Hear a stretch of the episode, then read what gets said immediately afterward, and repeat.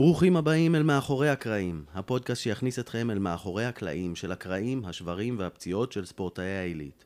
הפודקאסט שייתן לכם הצצה לצדדים הפחות מוכרים של הקריירות שאתם כולם מכירים. הרגעים הכואבים, המלחיצים והמרגשים שלפעמים עיצבו אותם ועשו אותם למי שהם.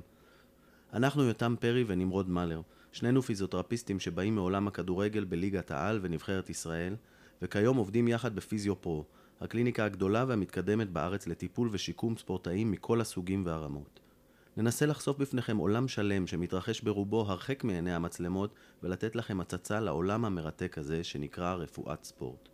אז בואו הצטרפו אלינו למסע המרגש הזה ובואו נכיר את האורח הבא שלנו. מקבל עכשיו מנור סולומון. דור פרץ, שאיבת, שאיבת, שאיבת! שאיבת!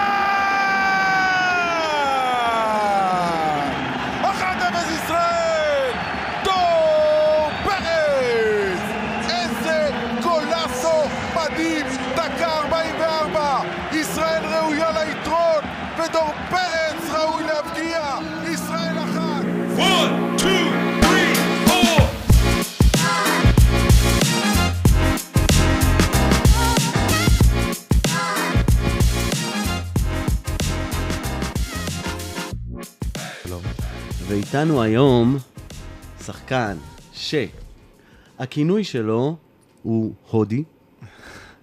הוא אחד השחקנים השקטים בחדר ההלבשה, בעינינו. אה, אם היה רוצה, היה יכול בקלות לפתוח בקריירה של דוגמנות. אבא שלו היה כדורגלן, אימא שלו מורה, אחיו הגדול היה כדורגלן, אחיו הקטן כדורגלן, וגם הוא כמובן. רגע הפריצה של הקריירה שלו היה במשחק של מכבי תל אביב נגד ויה ריאל, שוב, לדעתנו, נראה אם הוא יסכים איתנו. אה, משחק נגד ויה ריאל בחוץ, במסגרת הליגה האירופ... האירופית, המשחק הסתיים בתוצאה. 1-0 לנו. זה היה ניק, לא? ניק. ניק. כמה שלא, תנ... כמה שלא תנסו, לעולם, לעולם לא תצליחו לגרום לו להתעצבן. אנחנו לא הצלחנו להיזכר אפילו בפעם אחת שראינו אותו מראה איזושהי, איזשהו ביטוי של כעס.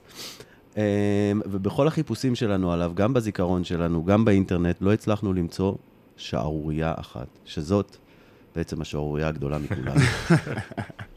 שלום, וברוך הבא, דור פרץ. שלום, שלום לחברים שלי היקרים, יותם ונמרוד. מה שלומך? איזה כיף, איזה כיף שאתה פה. טוב, תמיד. אז בואו נפתח בלכלוך, סתם. אנחנו מדברים רק מקצועי ולא מלכלכים, חלילה.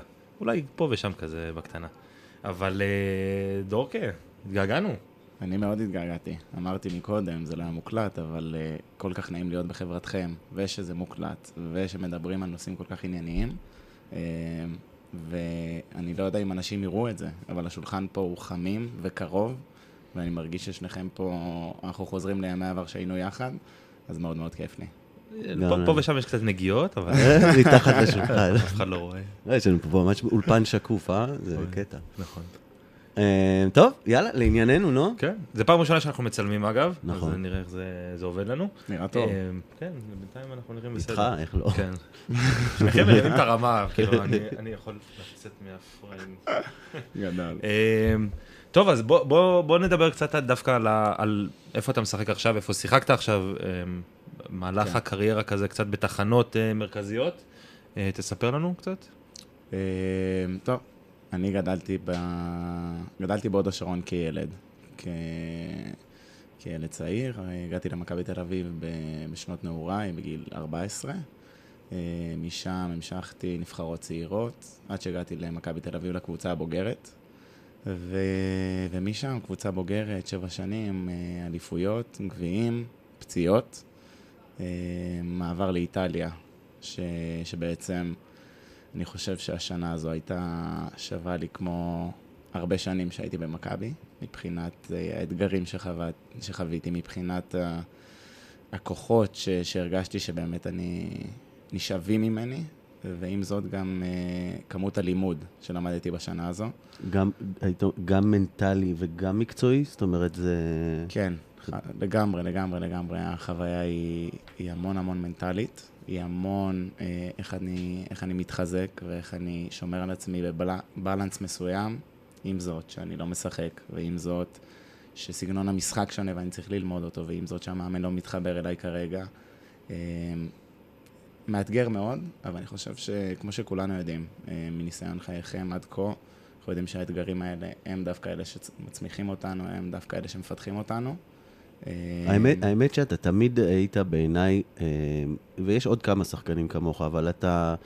אה, הייתי, אני, הכינוי שלי לזה זה סוג של וירוס.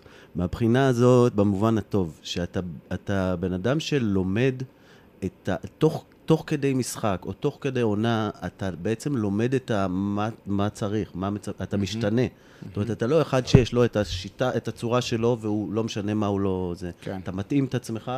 אה, כל אחד, כל, כל פעם בטח בקצב אחר, אבל, אבל זה מאוד מאפיין אותך. אני חושב שבכללי זה מאוד חשוב גם בחיים.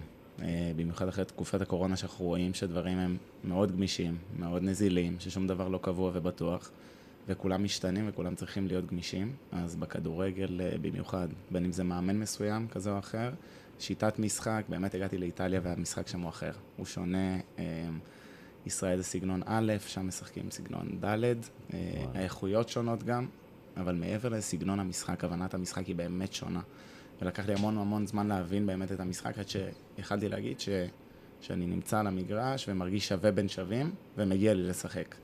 אז... אה, אתה חושב שאתה מתאים לסגנון הזה? סתם סתם שאלה. אה, בהתחלה... כי זה סגנון הזוי, כאילו... הזוי, אני מכיר את ה... אני כאילו קצת רואה וואלה, את אני, המשחקים. אני אין לי מושג על מה מדובר, אני תהיתי אם להיכנס לזה, כי זה כאילו באמת לא, יכול להיות נושא לפודקאסט אנחנו הולכים שלם. שנייה לכיוון של... כן. כאילו, הוא איך הולך לטיול קטן. כן. אה, זה סגנון שהוא הוא, הוא אחר אה, ביחס לכל הנוף של הכדורגל, אני חושב. אה, זה שמשחקים בהגנה אחד על אחד כל המגרש. זה שהאחריות שלך היא מאוד גדולה, כי אתה משחק אחד על אחד, ואם הקשר שלך בורח, אז, אז בעצם אתה אבוד. אה, ואם זאת התקפית, לוקחים ריסקים מאוד מאוד גבוהים. אה, אנחנו רואים עיבודי כדור באזורים מאוד מסוכנים. כי אה, אתה, התפקיד שלך במכבי, וזה אני, תמיד היו קוראים לך סוגר שטחים. כאילו, תמיד היית זה שאם מישהו עובר את, אה, לא יודע, את אה, דן או את אה, זה, תמיד אתה היית שם, כאילו, כדי לסגור את הפינה הזאת, ועכשיו אתה באחד על אחד, אתה לא, כאילו, אתה לא... אין, אתה אין, לא אין, המשחק אין, שלך. היית יותר אזורית. וואי, אתה כן. יודע מה, זה מעניין אותי, בוא. אני- אקשר את זה אלינו. כמה זה שונה מבחינה גוף, גופנית ולגוף שלך? זאת אומרת, אפילו ברמה של, לא יודע מה, נתפסו לך שרירים שבדרך כלל לא נתפסים? הרגשת שאתה עומד לפצוע משהו ש...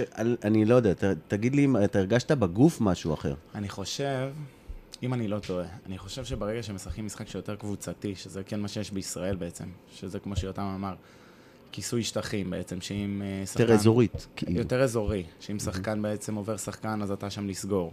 אה, שאם, יש המון חיפויים, המון באמת שטחים שנסגרים על ידי השחקנים, ולאו דווקא man to man. וכשקורה ה-man to man הזה, אז באמת אתה, אתה אחד על אחד, אז, אז זה דורש ממך בעצם מעמד שהוא שונה. אתה פחות, אה, בוא נקרא לזה, משוטט במרחב, אתה יותר man to man, אתה כל הזמן במאבק. למרות שאם השחקן שלך הוא עצלן, אז... אה, אז אתה סבבה, אז, אז יצא לך. האמת שאם אני חושב על זה, אז במובן הזה של מהירות תגובה. זאת אומרת, כשאתה נמצא במרחק של שני מטר משחקן, שלושה מטר משחקן, והוא עושה משהו ואתה צריך להגיב, יש לך את הכמה מאיות שנייה נוספות. נכון. כשאתה קרוב אליו, והוא משנה לך משהו, המהירות תגובה היא צריכה להיות הרבה יותר גבוהה. חד וחלק. המתפרץ, הכוח המתפרץ, גם הריכוז וגם הפיזית, היציאה מהמקום והשינויים, הם יכול להיות שהם יהיו יותר חדים. יש המון ריכוז, המון המון המון ריכוז. עובדים איתכם על זה שם? או שזה אה, משהו שהוא תוך כדי אולי? מתאמנים ככה, ואז זו- אתה מאמן את זו החלק. הציפייה, זו הציפייה. מעניין אותי שעכשיו שנגיד אתה חוזר לשחק, סתם אם זה בנבחרת, שהיא... שונה. זה יותר, יותר קל לך פתאום, היית אומר, או שלא אה, בהכרח? לעתים כן, לעתים כן, כי פתאום המשחק, כמו שאמרת, הוא לסגור שטחים, הוא... הוא... המשחק הזה הוא קצת יותר נוח, על לסגור יש, שטחים. טיפ- יש עוד כמה מאיות שנייה כאילו נכון, להגיב. אתה להגיב, לא... או שאתה באמת סוגר שטח ולא עושה איזשהו מרק מן טו מן, ואז יותר נוח לך, כי אז אין עליך אחריות גם כל כך גדולה כל הזמן. במילים אחרות, גם כל אלה עם הצעד ראשון המהיר, יש להם איזה יתרון הרבה יותר גדול, כאילו, אני מניח. אה, כי באמת הם... אין, יש, אין את המרחק הזה שהם צריכים אה, לסגור לפני שהם מגיעים אליך, הם, הם איתך, אני... לא יודע. אלא אם כן, תגיד לי שהאחד על אחד הזה, אתה שומר בו מרחק מסוים. כאילו, כמה אתה קרוב... זה תלוי. זה תלוי ב- ב- כן. באיזה סיטואציה במגרש, זה תלוי אם אתה באמת עושה איזשהו, אה, אם אתה נמצא בעמדה שאתה יכול לחפות וגם אתה שומר את השחקן, או שאתה פתאום ליד הרחבה ושם אתה אחד על אחד, כן, לא מעניין כן, אותך שום כן. דבר אחר בעצם. אתה יודע, מדברים על ההבדל בין אה, שחקני התקפה לשחקני הגנה, אה, בהקשר של שחקני התקפה הם שחקנים ש... ואתה אתה, בתפקיד שלך אתה עושה גם וגם. נכון. אה, אה, שחקני, שחקני התקפה, או כשאתה מבצע התקפה, אתה יוזם, אתה מייצר, אתה יודע מראש, אתה מחליט מה תעשה. כשאתה שחקן הגנה, אתה לא יודע מה הולך לקרות ואתה צריך להגיב. גם בהקשר של שיקום ופציעות והדברים האלה, אתה צריך לתרגל את זה שכשאתה מתרגל שחקן התקפה, אז אתה טיפה יותר, אתה פחות תפתיע אותו, אתה פחות תעבוד איתו דברים לא מתוכננים. אה, אז גם פה זה מעניין, אני- אולי אפילו, אולי אפילו זה טוב כמניעת פציעות, אתה יודע? אתם כפיזיותרפיסטים, אם אתם עובדים עם שחקן הגנה, יש בשילוב של השיקום של הוא טיפ- הוא טיפה אחר, כן. של- הוא יותר- יותר יגיב לדברים שאני אומר לו, כמו לזרוק כדור לפה, לזרוק כדור לשם. שחקן התקפה אתה תרצה שהוא ייצר יותר את התנועה, יותר... אה, ויותר מזה, אני אגיד לך, ימציא. אה, אה, שחקן שעבר פציעת רצועות, נגיד, ברך, קרסול, אה, אני חושב שצריך טיפה לקחת יותר את הזמן, וטיפה להחזיר, כאילו, הוא, הוא יותר בסיכון. כי, כי אה, כשאתה מגיב, אתה עלול לעשות אה, דברים, אה, יש לך יותר מקום לטעויות. כן, כן, כשאתה אני יוזם, אתה יודע מה אתה הולך לעשות, אז הגוף כבר מתכונן והוא כבר... זה. אגב, גם בפודקאסט הקודם עם דיה, הוא אמנם שחקן התקפה, אבל הוא, הוא קרא את הרצועה בפעולת הגנה. כאילו? למרות שזאת פעולת הגנה יזומה. התגנה. הגנ... התגנה, כן, אשכרה. אה, אוקיי. טוב, אז בוא, בוא, בוא נחזור כזה קצת ל, ל, ל, למרכז של הפודקאסט שלנו, שאנחנו מדברים על הפציעות. אה, בוא, בוא נדבר על, אה, מבחינתך, מה הם שתי הפציעות אה, הכי גדולות? שתיים, שלוש. שתיים, שלוש הכי גדולות ש, שאתה זוכר. טוב, בואו נלך על הראשונה, שהיא הבומבסטית, כאילו, של... לא כאילו. אה, בקריירה שלי עד כה, הלוואי שלא יהיו יותר, אבל אה, זה היה קרע של, ה... של הגיד, שמחובר לרקטוס פמוריס. שמחובר לאגן. בדיוק, תקנו אותי, חזקו אותי, זה שלכם כבר. רגע, אני, אני, אתן, אה, אני אתן הסבר מה זה? קצר. אה, יש לנו את שריר הארבע ראשי, השריר הירך הקדמי, הוא בעצם מורכב מארבעה ראשים, מכאן שמו. אה, מתוך הארבעה ראשים האלה יש ראש אחד שהוא נקרא לו הראש, קוראים לו הראש הארוך. הוא גם בעצם הראש היחידי שחוצה ומתחבר מעל מפרק הירך. כל הארבעה מתחברים מתחת לברך אה, אל השוק. התפקיד בגדול של הארבע ראשי הוא ליישר את הברך, אבל יש לו, אה, הראש הארוך הזה, הוא משתתף גם בפעולה של אה, מה שנקרא כיפוף הירך, או הרמת הברך לכיוון החזה, הפעולות האלה. כאשר בקצה של השריר הזה יש גיד, שזה מין כבל כזה שהתפקיד שלו לחבר את, את השריר אל העצם, ומה שקרה אצלך זה שאתה קראת את החלק הזה, את הגיד, נכון. רגע לפני החיבור שלו לעצם, מה ש... בעצם ניתוק מוחלט, נכון? זה היה גר- קרע כמעט מלא? מוחלט, הייתה כמעט ממש מוחלט. חתיכה קטנה שנשארה על העצם. כן. איך זה קרה? אמ, זה קרה בנבחרת. אה, היה לנו משחק מול אוסטריה, אני זוכר שהייתי מוצב, המשחק היה בחוץ. חזרנו בטיסה, טיסת לילה. אה, ישנו, נתנו לנו לישון, קמנו בבוקר, ואז עשינו אימון, וזה בעצם אימון מחליפים, אימון חזק. עכשיו היה אימון חזק מאוד, אימון טוב, באמת אימון מצוין. דחפנו, אני זוכר שהתאמנו איתי סן מנחם ויונתן כהן, גלאזר, אני זוכר שעשינו תחרויות בינינו על הבעיטות, והייתה תחנה של בעיטות, אה, שני ניטורים ובעיטה.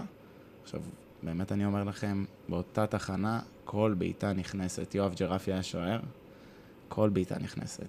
אני זוכר... רגע, אה, זה היה לטובת אה, דור פרץ, או?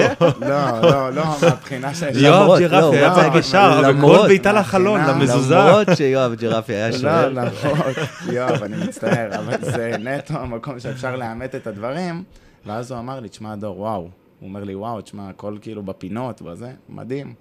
יצאתי לבעיטה חמישית, שתי קפיצות, אותה בעיטה, הכדור בפנים, הרגשתי פיצוץ בשריר ברמה, ברמה ש, שבחיים לא חוויתי. הרגשתי שכל המגרש שמע את זה. ישר נשכבתי על הרצפה, באותו רגע נפלתי על הרצפה. ו...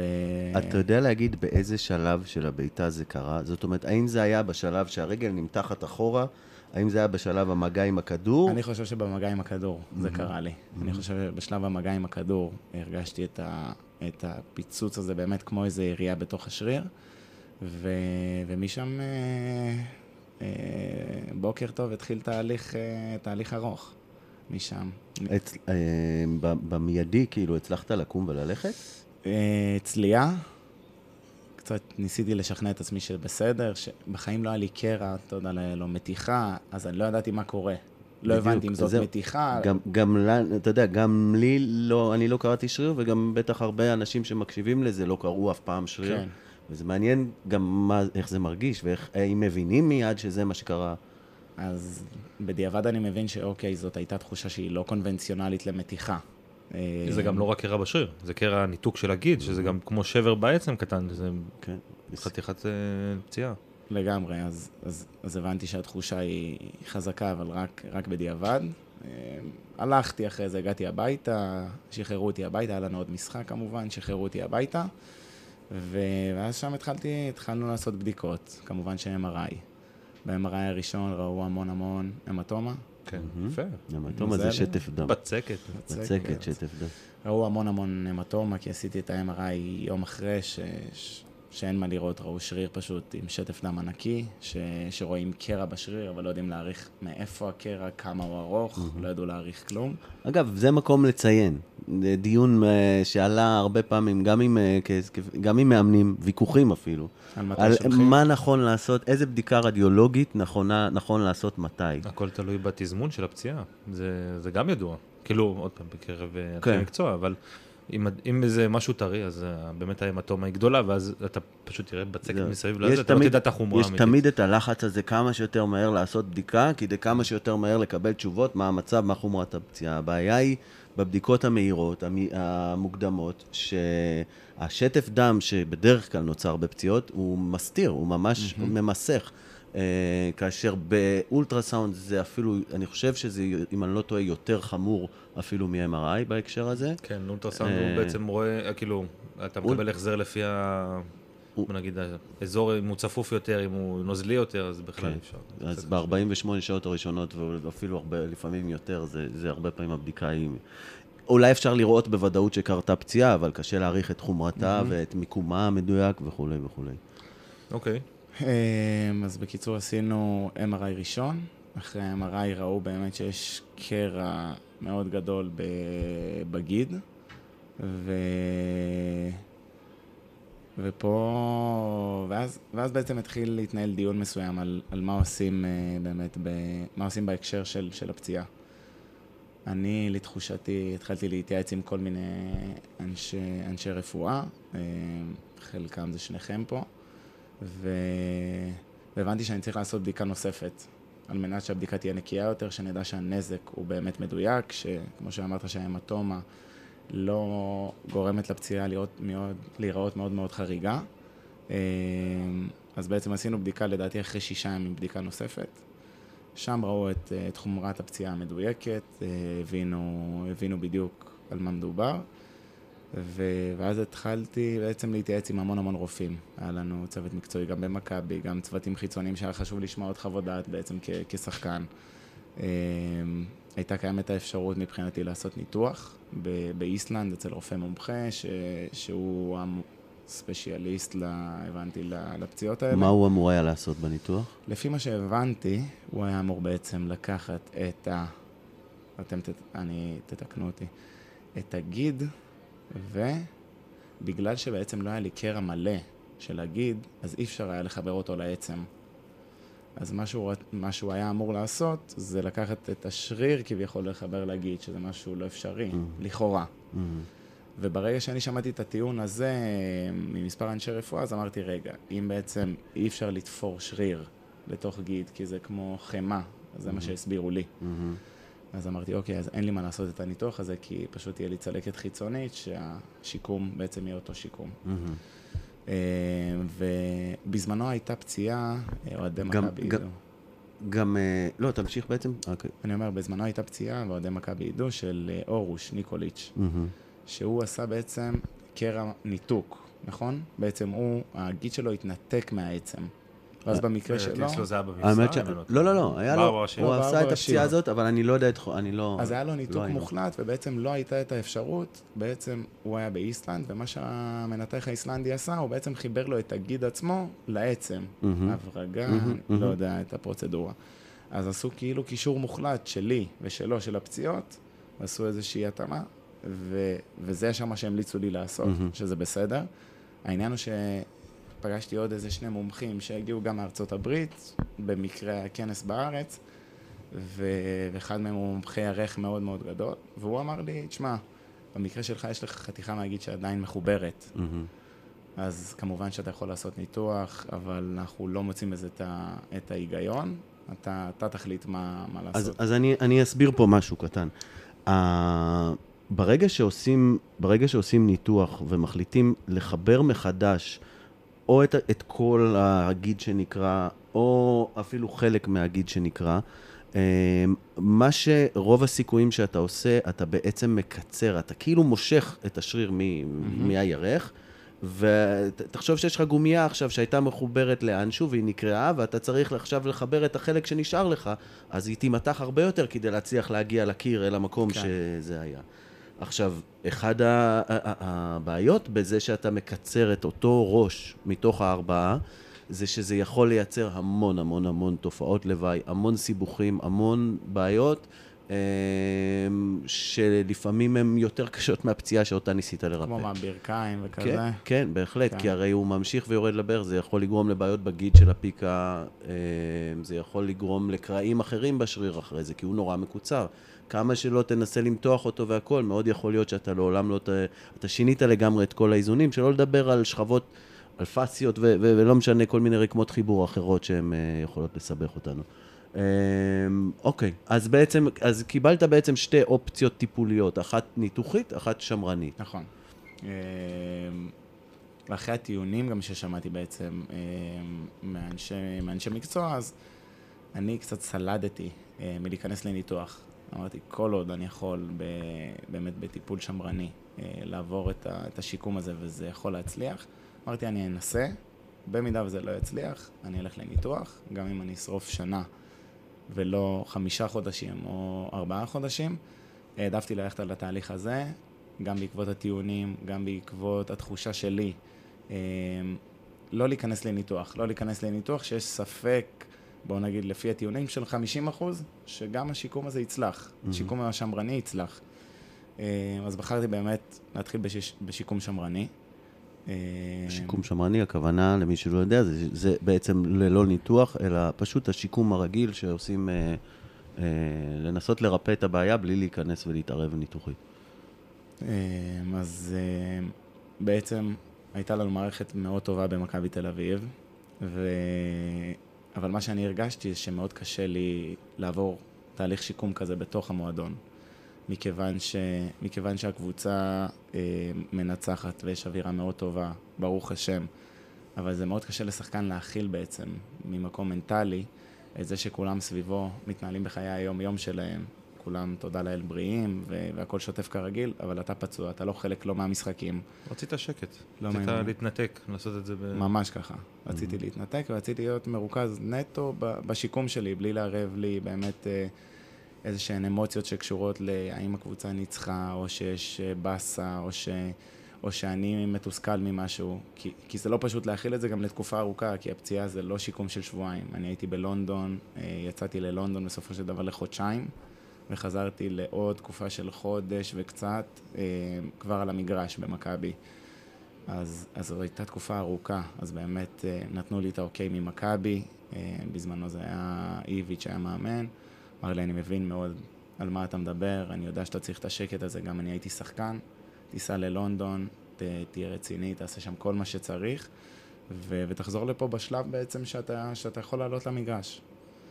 וזה באמת מה שהיה. זה לא, זה לא, וזה לא מתאים לו, מההיכרות שלנו איתו. לא, לא, לא לא נכון. כל כך- קו- זה לא קודם כל כל, כך, בוא אה, נתחיל מגילוי נאות, אנחנו, יש לנו היסטוריה עם איביץ' ושנינו, ואנחנו לא ניכנס לזה, זה גם לא רלוונטי, אנחנו לא. באמת אה, מתרכזים פה בעניין המקצועי. אבל הוא לא משחרר. אה, הוא לא משחרר. לא, אני לא יודע, דווקא בקטע של לשלוח למומחים בחו"ל, אני לא בטוח שהוא... אני חושב שזה דווקא היה לא פעם ולא פעמיים.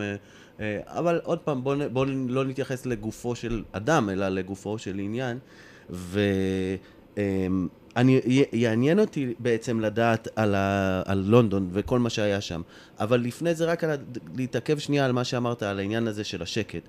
אה, קודם כל, הרבה שחקנים מדברים על העניין הזה. אה, של השקט ושל הזה. אני אוסיף עוד נקודה אחת, שהיא, היא, אני חושב שהיא היא אופיינית לישראל. תראה, שחקן שהוא, שחקן שהוא פצוע ונמצא בתהליך של שיקום, שהוא נפלט מהסגל, נפלט מהשגרה של הקבוצה, mm-hmm. מאוד מאוד קשה, אפילו גם לצוות הרפואי, לא קל אה, לתת לו את היחס שמגיע לו, מכיוון שהוא מתעסק עם עוד 24, 20 נכון. שחקנים אחרים בשגרה, שאותם באיזשהו מקום הם בעדיפות עליונה, כי צריך להכשיר אותם למשחק הנורא חשוב הבא. אה, ב, במדינות אחרות, שבהן יש מתקן שבו אה, יש אפשרות לנוח שם, יש אפשרות, יש לך מה לעשות בשעות בין לבין, אז שחקנים, אז יש יותר את האפשרות בעצם לעבוד עם שחקנים גם מחוץ לשעות הפעילות של נכון, הקבוצה. נכון, נכון. המתקנים והצורה שבה המועדונים בארץ בנויים הם, היא כזאת שזה, שחקן לא יכול לבוא בשבע, שמונה בבוקר עם כל הקבוצה ולהישאר עד, uh, לחכות ובעצם לא לעשות כלום, ואחר כך רק לקבל את הזה. זה נורא, זה מסובך, נכון. זאת אומרת, אה, אז, אה, ואני חושב שבחו"ל לרוב, או שיגידו לשחקן, באמת יבואו יותר מוקדם, כי בחו"ל מתחילים יותר מאוחר, כי לא כזה חם, או שיגידו לשחקן פצוע לבוא קצת יותר מאוחר או אחר הצהריים, ויש את האפשרויות ויש מה לעשות בין לבין. אז זה עוד סיבה ש, שבארץ קצת יותר קשה להיות בשיקום ארוך בתוך הקבוצה. נכון. אוקיי. אה, נדבר על לונדון קצת, מה, מה, מה יש שם? אה, איפה עשית? עשיתי ב... איזוקינטיק, לא? באיזוקינטיק, כן. כן, בלונדון. איך החוויה? הייתה חוויה מדהימה, חייב להגיד, הייתה חוויה מדהימה, ממש ממש ממש... אה, תשמעו, אני חוויתי פיזיותרפיסטים פה בארץ, וגם במקום שהוא, מבחינה ספורטיבית, זה המקום הכי גבוה שיכול להיות שזה במועדון כמו מכבי תל אביב. אז אני לא יכול להגיד שמבחינת המרקם ה... המקצועיות המקצוע, האישית. בדיוק, של, ה... של הפיזיותרפיסטים שפגשתי, היא עולה על אותם, ה, אמ, ספור, על אותם הפיזיותרפיסטים שאני מכיר מפה.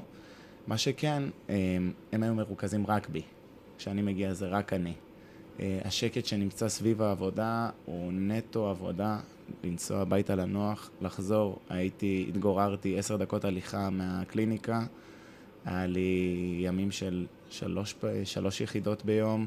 היה לי ימים של אה, יחידת בריכה, שחרור, הייתי באמת, הייתי עובד שם בלי סוף. מרוכז שיא.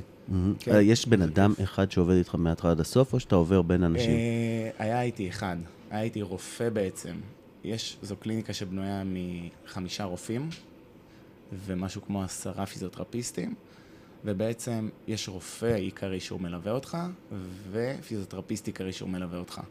עכשיו, רוב השבוע הייתי עובד עם אותו פיזיותרפיסט. אתם יודעים, בסופו של דבר גם כספורטאי, אז יש המון עבודה. אז הוא היה שולח אותי לעשות עבודה, הייתי חוזר. שולח אותי לעשות אה, אה, קרח, אה, או אני לא יודע, או גיים רדי, שזה... אבל הוא גם היה עובד איתך בבריכה, גם עובד איתך בקליניקה, לא, וגם מטפל בבריכה, בך על המיטה? אז בבריכה אה, הייתה תמיד נמצאת מאמנת בריכה, באופן קבוע. שהיא הייתה זו שמדריכה בעצם את האימונים בבריכה, יש לה את ההתמחות הזו לאימוני הידרו, ו, ובעצם ב, בקליניקה, ב, בקליניקה ב, באזור, ה, באזור הרגיל, הייתי מקבל את אותו פיזיותרפיסט כל הזמן. ו... ובדיקות אצל רופא היה לי פעם בחמישה ימים, אולטרסאונד שהוא היה עושה לי למעלה באופן קבוע, אה, באמת לראות האם הצלקת נסגרת, מה מצבה, הרגשתי פשוט גם מרוכז, הרגשתי גם נקי מכל הסחת דעת שיכולה להיות, וגם הרגשתי שהמקום רציני, ש... שמתייחסים ברצינות לזה שאני נמצא שם, שאני לא, שאני לא עוד מישהו. עם זה שהיה מספר שחקנים ואני לא הייתי היחיד, והיה גם מטופלים רגילים ואני לא הייתי היחיד, באמת הרגשתי שכל המעטפת עובדת כדי שהפציעה הזו באמת אה, תשתקם באופן הכי הכי טוב שיכול להיות. תגיד, עשו לך אה, טסטים כלשהם? בדיקות כאילו לבדוק אה, מעבר לאולטרסאונד, טסטים פיזיים לדוגמה, לא יודע, עשו לי טכנולוגיה, איך קוראים למכונה? את ה, כן, את המכונה עשו לי, מתי שהגעתי, מתי שיצאתי. הם מבחינתם אה, שחררו אותי רק כשהם, רק כשהם ראו שעברתי את הסף של המכונה. אוקיי, זה היה הטסט שלהם. זה היה האוקיי שלהם, אוקיי. כן, מבחינת, אה, מבחינת העניין הזה. אה, אגב, כולם אנגלים שם? סתם לא. לא. 80 אה, אחוז היו איטלקים. היה עוד... הרופאים היו בעיקר אנגלים, ועוד שניים או שלושה פיזיותרפיסטים. אבל לרוב היו איטלקים, כי אני חושב שאיזוקינטיק, ה- מקורי זה ב- הבסיס, ב- כן, כן, או כן, נראה בבולוניה לי או ברומא. כן. כן. כן. אגב, זה, זה מין, אה, כן, זאת, זאת רשת עכשיו, היא אירופאית, היא נמצאת נכון, בכמה כן. מקומות. והיא גם, אה, יש לה את הקרדיטציה של פיפ"א, אה, כאילו, פיפ"א נותנת לקליניקות מסוימות שעוברות איזה שהם סטנדרט מסוים, בקרוב אצלנו. אנחנו בקלות עוברים. בקיצור, לא, סתם. בקיצור, אבל אה, שם הייתה לי תקופה נעימה, כי באמת הרגשתי מרוכז והרגשתי מאוד מאוד... גם אווירה, לונדון וזה. מאוד בעניינים. כן, אה, לבין לבין, אז מאוד נעים לך. כי אתה בלונדון, אז אתה יכול לאכול איפשהו, אז, אז נעים, אבל באמת באתי מאוד חדור. היית לבד? מבחינת אה, זה, או באת עם... בטוטל הגעתי לבד, אבל בסוף היה שהם הגיעו אליי משפחה או חברים פעם אחת, אז, אז, אז לא באמת הייתי לבד, אבל בסופו של דבר... אה, יותם ורובי רצו להיפגש איתך, רצו, ולא רצית רצו? לא הגיעו. היינו בקורס אה, לא אולטרסאונד אבחנתי, ואנחנו נדור בו, זה, אני פה, אני שם. וואלה. אה, אז מי, רגע, אז מי אשם? כי אתה נראה לי מאשים לא אותו, והוא נראה לי אנחנו מאשים... נפתח את ההודעות, אתה לא יכול להאשים אותי. שאלה טובה. אני זוכר ש... ניסיתי, אני- אה, אה, הופשטתי עד, אבל משהו שם לא לא התחבר אוקיי. עד הסוף. בקיצור, אז... אה, מעניין. אגב, הייתי חופר איתך הרבה על איך זה מתנהל, כאילו, מעניין אותי, לא יודע, איך אתה, אם יש, ביום שיש שלושה אימון סשנים ביום, איך זה, איך זה נקבע, איך, איך הם מנהלים את זה, אתה אני- מבין? זה אני- מעניין אותי מאוד יש לדעת. שם ממש, אה, אה, הארגון הוא ברמה מאוד מאוד גבוהה, ואני יכול להגיד לך שגם אה, הפיזיותרפיסטים שם, בשעת טיפול, הם לא עובדים אחד על אחד, אין אחד על אחד שם. יש אחד על שלושה מטופלים. אז בזמן שהוא מתחיל איתך עיסוי קטן, אה, הוא כבר שולח את המטופל השני לתרגילים מסוימים, את השלישי, ו... ויש שם אווירה מאוד נעימה. עם כל זה, אצלנו יש, אתם עובדים רק בטיפולים אישיים? אצלנו בארץ זה סטנדרט אחר, אה, נכון? תראה, לא. אני אגיד לך, אתה, באמת, אתה כל הזמן מדבר על, אה, האיזוקינטיק, ואנחנו, כאילו, אני משווה, אצלי אני משווה לפחות, את העבודה שלנו במכבי, אה, לעבודה שלנו פה עכשיו בקליניקה. העבודה שלנו במכבי הייתה מאוד קשה, כאילו, זה להכין שחקנים לאימון, ואז לקבל את הפצועים, ואני עובד עם הפצועים בחוץ, וכאילו, כל הזמן, יש כל הזמן סלט וכל הזמן נכון. לחץ, וגם, וזה מערכת מאוד תובענית, ואז באמת כל הזמן יושבים לך על הראש. אבל פה, יש לנו גם אולטרסאונד, ואנחנו גם, יכול- אנחנו, יש לנו את הטסטים, כמו שאתה אומר, יש לנו את המכשיר ביודקס, כאילו, פה אצלנו בקליניקה יש לנו הכל, ואנחנו עובדים די אותו דבר, כאילו... באופן כללי אני אגיד לך שבארץ, ולדעתי זה בכל, זה מתחלק. זאת אומרת, יש לך פיזיותרפיסטים שיעבדו עם, אה, עובדים עם שבעה, שמונה בבת אחת. יש, כן. יש פיזיותרפיסטים שעובדים עם שניים, שלושה, יש פיזיותרפיסטים ש, שעובדים רק אחד על אחד. אה, זה מאוד מאוד אינדיבידואלי, זה מאוד משתנה. אה, וגם זה, אתה יודע, יהיה מישהו שיעשה, יעבוד עם שמונה, וכל אחד מהם ירגיש שהוא קיבל את כל מה שהוא צריך.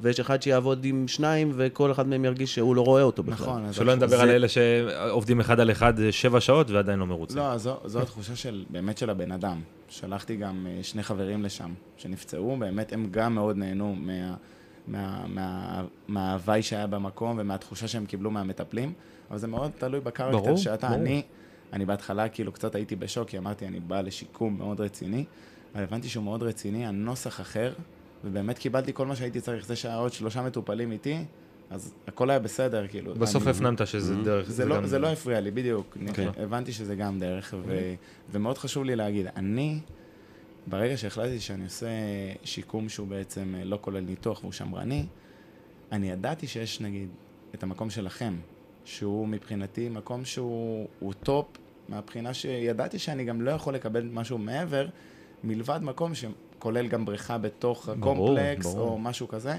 אבל אני, ה vision שלי היה פשוט לצאת מהארץ כדי לא לפגוש אה, אוהדים שישאלו אותי כל יומיים מה, מתי אתה חוזר, כי אתה בתקופה שלא נעים לך עם עצמך.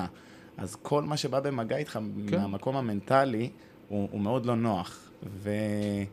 לא, אני מאוד מתחבר לזה, שתדע לך. אנחנו כן. הרבה פעמים מדברים עם שחקנים ששואלים אותם, תגיד, אתה, כשיצאת מהסגל, המשכת לעקוב, באת למשחקים, זה, זה, הכ- הכל, כל המסביב, זה, זה חלק קשה, זה חלק קשה בלתי נפרד מה, מהשיקום, וזה אתה יודע, מה אה, שמצחיק או מעניין, ש- שלפעמים גם אה, ליגיונרים ישראלים שבחו"ל, הם באים לעשות נכון. בארץ, כי- כי אין להם, כי בשבילם זה להתרחק קצת מהמסגרת ה- ה- הם הזאת. מתגעגעים לזה. אה, גם מתגעגעים לארץ, וזה גם הזדמנות וזה, אבל בוא, נגעת קצת בצד הטיפה עכשיו, כשאמרת על ה... שאתה גם ככה קשה לך עם עצמך, אמרת משהו כזה. כן. בוא נדבר קצת על הצד המנטלי הזה של הפציעה, הפציעה הקש... המורכבת, ארוכה. אה, אגב, דיברו איתך על האפשרויות של השלכות ארוכות טווח של פציעה כזאת? מישהו הזכיר משהו על זה, או לא, לא כל כך נכנסו לזה?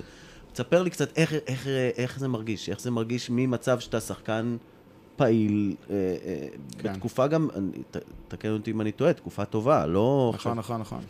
מה שלא קל בפציעות שקורות, זה בפציעה כזו, קודם כל, זה שאתה לא מצליח לעכל את הפציעה כמו שהיא, מכיוון שאתה עסוק גם בלקבל החלטה, האם אני הולך לניתוח, אני לא הולך לניתוח, אני עושה טיפול כזה, אני עושה טיפול אחר.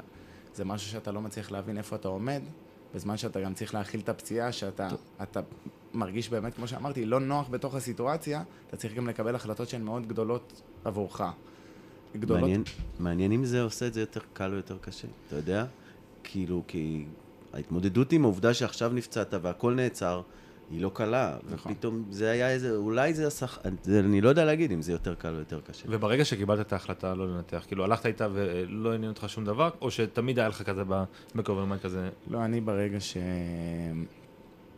ברגע שקרתה הפציעה, אז, אז באמת, מיומיים אחרי, היה לי יומיים לעכל את זה שנפצעתי, לא באמת הבנתי מה חומרת הפציעה, מיומיים אחרי, אני זוכר שכל הבאסה שלי, כל הדיכאון, הדיכאון אני קורא לזה, כן, זו מילה מאוד מאוד גדולה, אבל כל הדיכאון לא, לאותם שבועיים, עד שבאמת קיבלתי את ההחלטה, נבע מעצם העובדה שאני צריך לקבל החלטה, ו... וכולם מושכים אותי לכיוונים מאוד שונים, ואני לא מצליח באמת להבין מה הדבר הנכון לעשות. מלא יועצים בוא, פתאום. בוא, אה, בוא, נ- בוא ננסה להמחיש את ה... את ה... שוב, קצת הזכרתי את זה, אבל uh, העניין הזה של מצד אחד, תדמיין ש... לא יודע מה, תדמיין שאתה בנית עכשיו אוהל ויש לך כבל שמחזיק את האוהל עומד, מהמם. אוקיי? ועכשיו הכבל הזה, הוא נקרע, הוא לא נקרע לגמרי, הוא נקרע חצי, 80% ממנו קרוע, נשאר חלק קטן, עדיין מחזיק את האוהל. עכשיו ההתלבטות, האם אני לוקח את אותו כבל, מותח אותו חזק חזק חזק ומחבר את ה- מה שטוב כאילו לקצה, וזה סביר להניח יעקם לך את כל האמות של האוהל, כי הוא יהיה במתח מאוד גדול, או להחליט לא לעשות את זה ולהשאיר את הכבל הדק, ואז יש את הסיכון, כי זה דק, זה כבר, זה רק חצי כבל, זה רק, אני לא יודע מה, והסיכון שבכל רגע זה ייקרע מתישהו אחר. וזו התלבטות מקצועית גם, עזוב אותך, גם לאיש מקצוע זו התלבטות מאוד קשה לדעתי, מה לעשות, כי כל אחד מהם יש לו את ה, את ה, בעצם את המינוסים שלו. אתה אה, היית אומר שהיה היה שם איזה שהם דברים של כאילו דיכאון, אה, מצב רוח רע, זה, זה, זה כאילו... כן, לא, לא דיכאון, מקודם השתמשתי במילה הזו, אבל אני מאוד מאוד אה, לא מחבב אותה בהקשר של הנושא הזה, כי, כי זה הביא אותי למקום מאוד מאוד מבואס, אה, מאוד, מקום מאוד, בואו נגיד, אה, נחות, נחות אנרגטית באותם ימים. בכיתי המון. אם זה להורים שלי, בכיתי המון. ההורים שלי היו באותו, באותו יום שנפצעתי, הם היו בהודו. הודי? כאילו, כן. הודי, לא יודע. או לעשות טיול שורשים. סתם, לא, אני לא הודי שלא יהיה פה. אמ, הם היו בהודו, ואני לא הייתי עם הטלפון. ויצא כבר בעצם למדיה שאני נפצעתי, באימון של הנבחרת. עכשיו, הורים כמו הורים זה האנשים שהכי דואגים בעולם. הם ישר שמעו, יום אחרי חזרו מהודו, עם זה שהם היו צריכים לחזור שבוע אחרי. כי מבחינת אבא שלי, הוא זה שצריך להיות שם, לדאוג. הוא צריך להיות קרוב אליי, להבין מה קורה, וגם אני זכיתי בזה, כי לעבור ימים כאלה לבד, כמו שאמרתי, בלקבל החלטות כאלה, בזה שאני הולך אה, ליועץ כזה ואומר לי, תשמע, ניתוח לא יעזור לך, זה רק טיפול שמרני, שאני הולך לרופא אחר ואומר לי, רק, רק ניתוח. למזלי היה לי את ההורים שלי ואת המעטפת הזאת שתעזור לי באמת אה, להיתמך, כי, כי היה לי מאוד קשה. כי היה לי מאוד מאוד מאוד קשה. אה, היום אני יכול להגיד מאתגר, אבל איך זה השפיע מעבר לקושי? זאת אומרת, זה, זה, לא יודע מה, זה גרם, היה לך תיאבון, היה לך זה, היית עצבני, אגב, כעס. הייתי מאוד מאוד לא סבלני. אה, הייתה לך בת זוג באותה תקופה? לך, לא יודע. אני חושב, כן, הייתה לי בת זוג באותה תקופה. אה, לא, דברים פשוט, אתה יודע, זה, זה כמו, כמו כל עבודה בעצם, שאתה חווה איזשהו דאון מאוד מאוד מאוד מאוד אגרסיבי, אה, שהוא לאו דווקא תלוי בך, כי אני עשיתי כל מה שיכולתי לעשות הכי טוב, ויש דברים שהם גדולים מאיתנו, אז פשוט הפציעה הזו קרתה. אני רוצה לקחת אותך רגע למקום הזה, של לעשות הכל. כי זה משהו שאנחנו מתעסקים בו, כל העניין ההכנה, הבנייה, כאילו איך אנחנו, מה אנחנו עושים כדי למנוע את הפציעה הבאה, ואני יכול להגיד על דור, וגם אתה יכול להגיד על דור נראה לי, שמבחינה מקצועית, אה, גופנית, עובד מאוד מאוד טוב. עובד, מכין את עצמו לאימון, אנחנו נשאל אותו עוד רגע מה הוא עושה, אבל זה, זה רק מראה ש... ודור זה דוגמה מעולה, אנחנו עוד רגע נבין, אבל שלא משנה כמה אתה עובד וכמה קשה אתה מכין את עצמך, או, או מכין את עצמך לא להיפצע או דברים כאלה, לפעמים זה גם, זה גם קורה, כאילו, לא משנה מה. ועובדה, הנה, גם דור חווה פציעות, לא, לא אחת, יש לו עוד אה, כמה שהוא אולי נספיק להגיע אליהם, אבל זו פציעה קשה, ש, שגם אם אתה מכין את עצמך הכי טוב לזה, זה יכול לקרות. אה, אז סתם תספר לנו כזה מה אתה עושה מבחינת כוח, הכנה לאימון, דברים כאלה.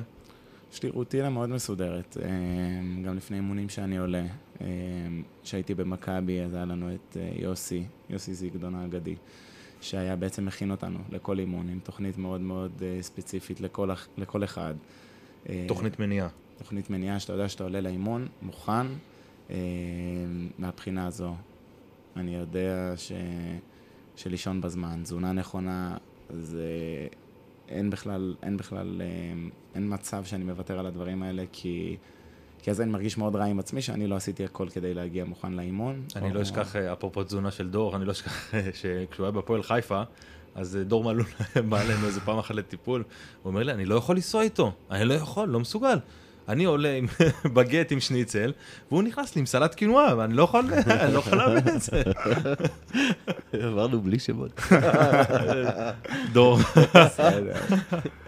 אמ, אז כן, אז, אז אני עושה את כל מה שביכולתי לעשות, לפחות בתחושתי, כ- כדי להרגיש טוב ונקי עם עצמי. אמ, והתחושה הזו היא בעיקר כדי להרגיש, אתה יודע, יש לנו אימונים פחות טובים וימים פחות טובים אה, כאנשי מקצוע ובמיוחד כדורגלנים, אז אני רוצה לדעת שעשיתי את שלי. וכשאני עושה את שלי, אני יודע שהכל בסדר. אז קורה שיש אימון פחות טוב או משחק פחות טוב. וקורה שיש פציעה שמגיעה, ואני יודע שעשיתי את מה שיכלתי לעשות. אני, אני לא יכלתי לעשות משהו שונה, יש דברים שהם באמת גדולים מאיתנו. לא הלכת אתה הביתה יודע- בקטע של יכלתי לעשות יותר? כאילו אחרי או הפציעה. למה. באתי את הבעיטה לא- החמישית, או למה. זה, כל מיני... זה היה טוב מחמש. לא, זה, זה גם אמונה, אמונה. אמונה מאוד גדולה שדברים צריכים לקרות, ו... והם לא סתם קורים, אז, אה, אז אתה יודע, יש, יש אה, ויכוח גדול ב, ב, ב, באקדמיה ב, ב, לגבי כל העניין הזה של בדיקות, אה, של לסרוק שחקנים. יש, יש את הטענה הזאת שתעשה לשחקנים בדיקות סקר כאלה, שבודקות את כל היכולות שלהם, ועל פי זה אולי תוכל לחוות, לחזות מי פצע ואיזה פציעות וכולי וכולי. ו, ו, והמון המון מחקרים אחר כך באים ומבטלים ומראים איך כל, ה, כל התוצאות של המבחנים האלה הן לא מדויקות כשאתה אחר כך הולך ובודק מי נפצע, מי לא נפצע. ותמיד מתווכחים אם לעשות את זה בכלל, ומה זה שווה וכמה זה שווה. ואני תמיד הייתי אומר בצחוק ש... אתה יודע, גורם פציעה, אוקיי, אומרים חוסר גמישות, אולי גורם לפציעות, חוסר כוח, אולי גורם. אני, אני תמיד הייתי צוחק והייתי אומר, יתושים בלילה, שהוא לא ישן טוב כי היה לו יתוש שגירה, עקץ אותו, יכול להיות הגורם לפציעה של הבן אדם הזה. זאת אומרת, אה, אה, אין, אין כמות המשתנים שיכולים לגרום לך נכון. להיפצע, הם נכון. בל, בלתי נגמרים. אה, גם במבה על המגרש. מאוד חשוב גם, אם שחקנים שומעים את הפודקאסט, מאוד חשוב גם בהכנה לאימון, או, ב, או בעצם איך שחקן עוטף את עצמו בכל המעטפת של תזונה ושינה נכונה, לזכור שאנחנו גם בני אדם. לזכור שאנחנו צריכים לחיות, שצריך בלנס בחיים. לא להפוך את... נכון, הכדורגל הוא בעצם אה, עיקר חיינו כשחקנים, אבל לזכור שאנחנו בני אדם. אנחנו לא יכולים לעבוד נונסטופ בכדורגל, כי אנחנו כשחקנים לא נבחנים בעצם רק על המגרש, אנחנו נבחנים, כן, גם בשעות השינה שלנו, גם במה אנחנו אוכלים, ואם אנחנו לא נדע לשלב זמן עם חברים, או זמן עם משפחה, או כל אחד במה שעושה לו טוב, זה פשוט אה, חוויה שהיא הופכת להיות לא נעימה ולא כיפית, ואנחנו מתחילים לשרת את הכדורגל, וזה יכול להימאס עלינו. בנוסף לזה, שבאמת אנחנו יכולים גם פתאום לגרום מאנשים שמחים להיות אנשים באמת שהם קצת יותר עצובים, כי אנחנו באמת משרתים איזה משהו גדול מאיתנו, שרק שואב לנו כוחות, ולאו דווקא בתקופות מסוימות מכניס לנו איזה שהן אנרגיות. ו- וגם העניין הזה של להכין את עצמך אובר לאימונים, או הרצון הזה באמת להיות הכי טוב, אבל צריך גם לעבוד מאוד נכון. וגם העומסי יתר האלה שאני חוויתי לא אחד, הם גם לא נכונים והם גם לא בריאים. הם שוחקים. כן. אז אה, איפה, אנשים... איפה, איפה אתה משחרר? איפה מש- אתה מרשה לעצמך? אני משחרר בזה ש... שאם יש לי לילה אחד עכשיו שאני רואה סרט עם חברה שלי, אז אני, אז אני אלך לישון ברבע לאחד ולא ב-12 כמו שתכננתי. ו... ואם אני אהיה במסעדה עכשיו באיטליה, אז uh, אני אקח שני ביסים מקינוח, um, כי... אתה משוגע. אבל, אבל אלה משוגע. הדברים שזה לשחרר מבחינתי. כל כן. אחד והשחרור שלו, אני פשוט באמת חושב שאסור לנו להיות קשים מדי, כי, כי המקצוע הזה הוא במילא, הוא סזיפי. אתם כפיזיותרפ, כפיזיותרפיסטים, חוויתם כמה הוא תובעני.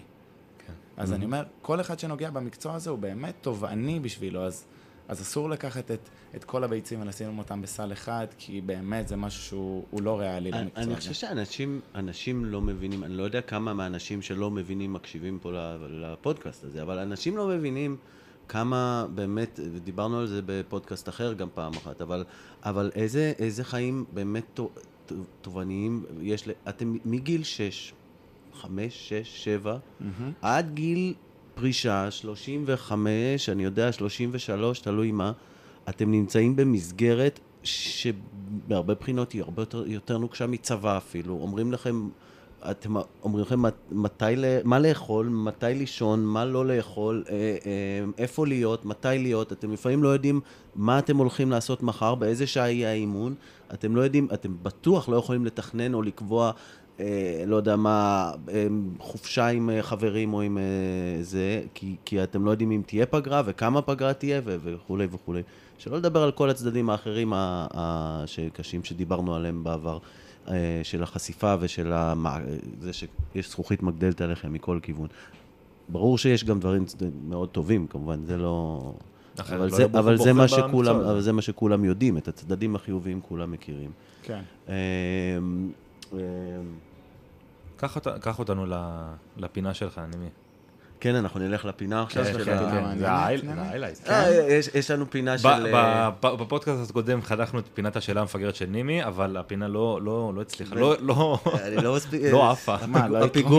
הפיגור לא- ממשיך. לא, יש לנו את השלוש שאלות של נימי. יש, לנו שאלות חוזרות כאלה של... אה, שהאמת שזה זה, זה הסיום בעצם. אה, אנחנו באמת צריכים לחתור פה לסיום, אז, אז בוא אני אשאל אותך ככה.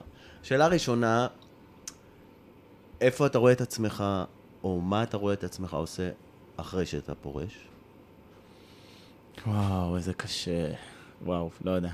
אני... מעניין אם אני אעשה משהו עם התואר שלי בפסיכולוגיה שאני צריך לסיים, או... אני די בטוח שאני אגע, אבל בספורטאים צעירים. מהמקום של, של, של החיזוק המנטלי, מהמקום של, אה, של איזושהי הדרכה, אולי קבוצות, אולי הרצאות מסוימות. אני בטוח שאני אעשה את זה, בנוסף לכל מה שאני אעסוק בו, ושאלה קשה, בקיצור. וואי, אני... בא, בא לי עוד שאלה, שהיא קשורה, אני נימי מצטער. תשאל, זה הפודקאסט שלך. אבל זה, אה, אוקיי. זה מותר? ארבע מותר לך. שאלות. אה, אז זה הפך להיות ארבע או שלוש וחצי. ניתן לו- ניתן לו. מתי לדעתך נולד, מתי, איפה, למה נולד דור פרץ שאנחנו מכירים היום, או שאתה מכיר אותו היום, עם כל המקצוענות ועם כל הדברים שמסביב? הוא היה מהרגע הראשון? או שהוא... שאלה יפה. אה, לא, אני לא חושב שהיה מהרגע הראשון. אני חושב ש... שהבסיס לדור פרץ שאני מכיר גם היום, הוא כן גדל בבית שהוא גדל, כי אלה הערכים שמלווים אותי כילד, אה, בזכות ההורים שלי, בזכות הבית בו גדלתי, ואני חושב שאותם אתגרים שחוויתי דווקא כספורטאי, הביאו אותי למקום שאני נמצא בו היום, אם זה לנחת רוח ש... שלמדתי לנהוג בה, כי הבנתי שאם לא אני, אני אתחרפן, וזה לא משהו ש... שמתאים לי. אה, האמונה הזו, ש... שמאוד, אה, שמאוד מאפיינת אותי, ש... שזה רק בגלל הכדורגל, אז, אז אני חושב שזה נטו בא משם, כן. אתה באמת לא מתעצבן? לא, אני מתעצבן, אתם יכולים לשאול את חברה שלי, זה קורה מדי פעם. אבל מה הביטוי? כאילו, איך זה, איך אני אמור לדעת שאתה כועס? אה, לא, תשמע, אני רואה באמת המון המון סיטואציות, אה, אולי שאנשים רואים באור קצת פחות אה, חיובי, אני רואה בהן את, את מה שכן קיים. ועם זאת, אני יודע להציג גם את הדברים ש, ש, ש, שלא מתאימים לאותה סיטואציה, או, ש, או שלא אמורים לקרות. אבל אני עושה את זה בנועם ש, ש, שאני מחליט לנכון, אני לא חושב שלהרים את הכל או להתלהם בעצם גורם לצד השני להבין יותר טוב. אני חושב שלעיתים ברגע שיש כעס או עצבים, אז... אז דווקא כשאתה מדבר באיזושהי שלווה ורוגע, אתה מגייס את הצד השני אליך, ואתה לא גורם לו... אני תמיד הייתי אומר לשחקנים, אה, הייתי נותן את הדוגמה דווקא של שרן ייני, ו- ואני חושב שאתה לגמרי נכנס לאותה קטגוריה של העוצמה הכי חזקה, זאת אומרת, הדבר שהכי מעצבן שחקן יריב, זה האייסמן הזה, זה זה שאתה לא, הוא עושה לך פרובוקציה, הוא עושה לך זה, הוא ככה, ואתה כאילו... פשוט לא יודע מה, מסובב את הראש והולך, אתה פשוט, זה, זה הדבר שהכי מטריף אותם, נכון, נכון, והכי נכון. משדר כוח שקיים. תגיד, שאלה, אמ, אם לא היו, לא היית עובר את הפציעות שעברת, אתה חושב שהקריירה שלך הייתה במקום אחר?